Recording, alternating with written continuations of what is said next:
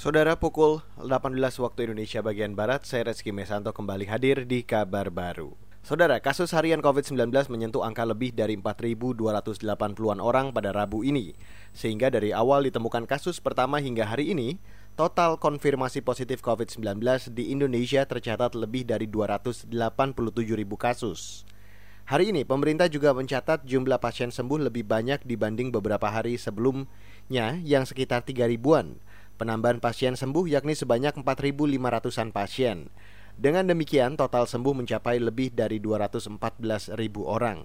Namun penambahan juga terjadi pada pasien meninggal, yakni 139 pada hari ini.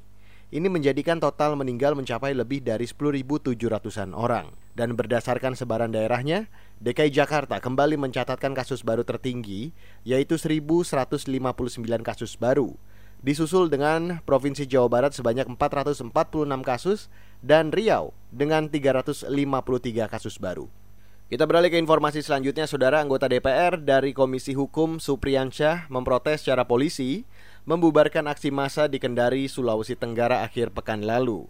Saat itu helikopter milik Polda Sulawesi Tenggara terbang rendah untuk membubarkan masa aksi setahun tewasnya mahasiswa Universitas Halu Oleo, Randi dan Yusuf pada September 2019.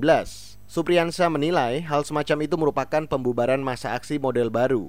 Ia berharap model serupa tidak terjadi lagi dan meminta kepolisian lebih humanis dalam menangani masa aksi. Untung baik saja kalau helikopter tidak jatuh. Coba bayangkan kalau jatuh di situ Pak Kapolri, pola penanganan kita ini ini adalah hal model baru yang saya saksikan. Saya aktivis mahasiswa Pak. Selama saya di kampus saya menjadi ketua umum senat mahasiswa, saya tidak pernah mengalami yang namanya dibubarkan dengan cara oh, helikopter terbang rendah. Saya kira prosedur ini juga Pak Kapolri harus menganalisa secara baik apa motif di balik itu Sementara itu Kapolri Damaziz memastikan pembubaran masa aksi di Kendari menggunakan helikopter tidak sesuai dengan standar operasional prosedur atau SOP. Idam sudah memerintahkan Propam untuk memeriksa dan menindak pilot yang menerbangkan helikopter tersebut. Saudara pihak TNI memastikan investigasi penembakan yang menewaskan seorang tokoh agama di Intan Jaya, Papua dilakukan transparan.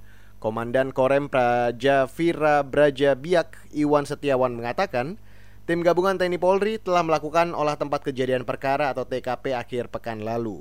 Menurutnya, Pangdam Cendrawasi menugaskannya memimpin tim investigasi TNI ke sana, mengecek secara fisik di lapangan dan meminta keterangan para pihak.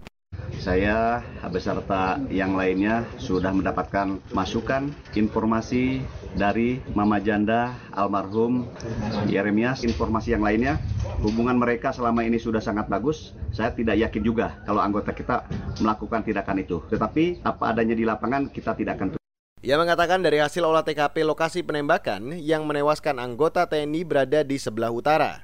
Korban diperkirakan ditembak dari jarak 200 meter lebih.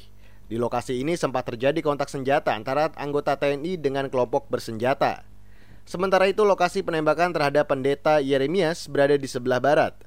Jaraknya cukup jauh dari lokasi baku tembak, terhalang bukit dan pepohonan. Pendeta Yeremias Zanam Bani tewas ditembak di distrik Hita Dipa, Kabupaten Intan Jaya pada 19 September 2020 silam. Demikian kabar baru KBR saya Reski Mesanto.